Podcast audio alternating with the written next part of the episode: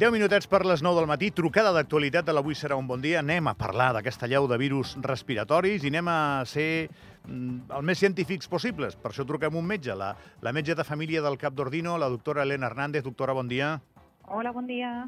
A nosaltres ens, ens assetgen les notícies, nosaltres de fet les repartim, doctora, uh, però també les tenim per tot arreu, no? I no m'agradaria alarmar massa ni alarmar poc. Què està passant exactament amb el tema aquest dels virus respiratoris? Expliqui'm. Bueno, estàs passant una mica el que esperàvem, arribar a l'hivern, i amb l'hivern arriben les onades de virus respiratoris, eh, amb la grip, amb el virus respiratori sincitial, amb la Covid, amb els catarros i tot plegat. Pues si jo li hagués demanat a vostè, per exemple, fa un parell de mesos com estaríem en aquesta setmana, m'hagués pronosticat que estaríem com estem? Home, potser no amb la incidència que estem tenint, perquè és una mica més alta del que era previsible, però que hi havia molts virus circulants ja pels vols de Nadal, segurament sí. Molt bé. Sap què passa, doctora? Que hi ha un món abans de la Covid i un món després de la Covid. I després de la Covid la nostra sensibilitat és més alta. És més alta quan ens arriben notícies d'aquest estil perquè pensem és el primer episodi d'una sèrie o simplement passarà això i en unes setmanes tornarem a la normalitat. I per això truquem als metges, que és el que estem fent ara mateix, doctora. és normal, és normal. Tots estem encara una mica uh, espantats del que va passar fa, fa ara tres anys. Però eh, vostè hi posa normalitat. Sí, a veure, els virus respiratoris han estat tota la vida i seguiran estant amb nosaltres. I, bueno, tot i que és veritat que el pic de grip aquest any ha arribat una miqueta abans que altres anys, doncs, bueno, eh, hem de conviure amb ells, no podem fer una altra cosa. Molt bé. Si, si parlo d'un dia normal en la seva vida d'aquests darrers dies, què es troba vostè a la consulta? M'ho pot explicar més o menys? Evidentment, sense donar dades concretes, però el, el perfil de la gent que la ve a veure, com estan... Sí, ens trobem, la veritat, una llau de, de persones que consulten per símptomes molt similars, amb molta tos, molta cremor de pit, molta febre, també algunes diarrees i vòmits, perquè també hi ha un enterovirus per aquí donen voltes, i, bueno, sí que és veritat que consulten una mica més del que ens esperem per aquestes dates, per això, perquè s'han juntat tots els virus alhora i, a més, com que venim de les festes on també hem estat més tancats, en família i en reunions, doncs els virus campen com volen. Bueno, és una mica allò que es diu la, la tempesta perfecta. Totalment. Ja, ja, ja.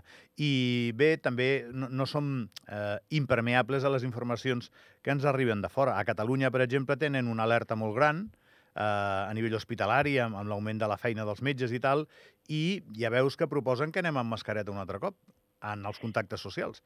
Què, què em diria vostè?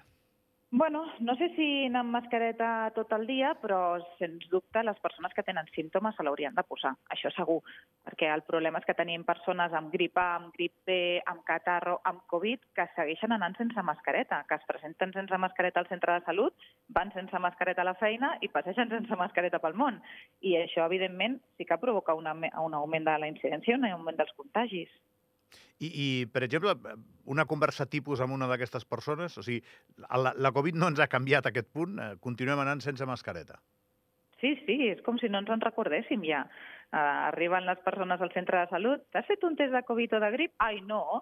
Vale, bueno, i la mascareta, tot i que hi ha un cartell ben gran que posa que si tens símptomes respiratoris te l'has de posar. Ah, no, tampoc, home, doncs això són uns bàsics per intentar minimitzar els contagis. Molt bé. Però, per exemple, si jo ara la fes seure en una taula d'experts, doctora, i si fossin cinc o sis, el seu vot seria eh, que hem de reforçar, en aquest cas, la presència de la mascareta, reglant-ho d'alguna manera, eh, o no?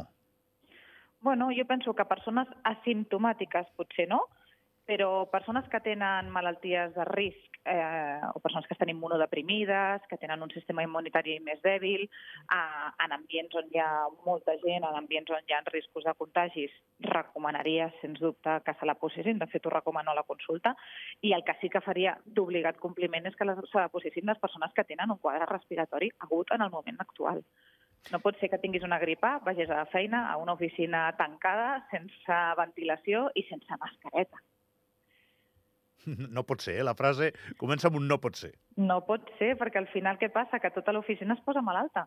Sí, sí, no? sí. I venen, no, és que els meus companys de feina estan malalts i no sé què, i està tota l'oficina malalta. Bueno, potser si ens poséssim una mascareta eh, es posaria malalt un i no tota la plantilla.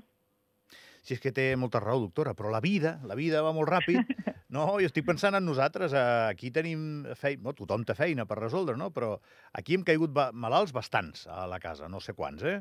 Però, claro, tampoc podem parar la maquinària i si no et poses molt, molt malalt, el teu codi mental et diu que vagis a treballar. I, i, i home, i aquesta feina l'hem de fer en moltíssimes hipòtesis eh, promovent la comunicació. I la mascareta no ajuda sempre, no? Vull dir que, que, que, és, és complicat a vegades, eh? Sí, l'equilibri és complicat, però bueno, penso que una mascareta durant 4 o 5 dies eh, no és una cosa tan greu com proposar posar mascaretes, com quan vivíem el 2020 o el 2021, tot el dia a l'aire lliure i en totes aquestes activitats que a vegades no, en, en, realment ens era molt feixuc.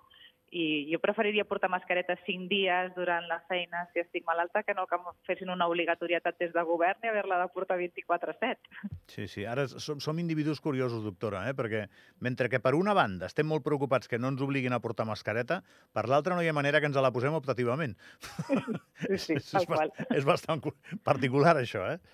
Sí. Ah, Escolti'm, i gent greu no n'hi ha més de la que... Tot i l'augment de casos, no, no s'està trobant vostè molta gent greu.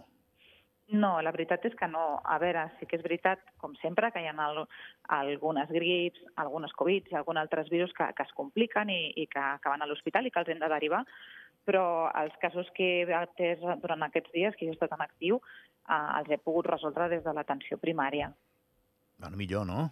Sí, molt millor, i tant. I toquem fusta que això segueixi així. Perquè això que estan dient...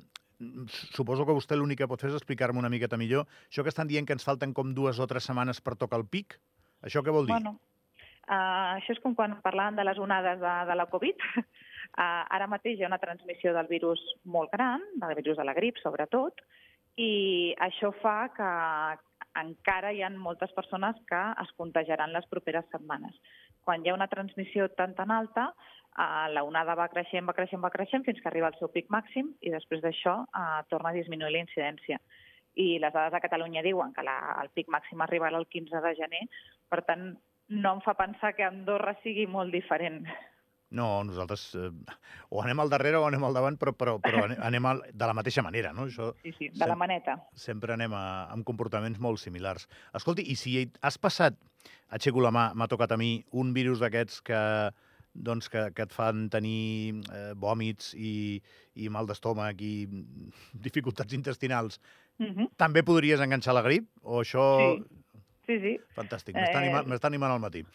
Per desgràcia, eh, si hem passat un enterovirus, que és aquests que ens provoquen aquesta diarrea o aquests vòmits i aquest malestar, ens podem contagiar també d'una grip, igual que ens podem contagiar d'una grip i d'una Covid alhora, que també està descrit.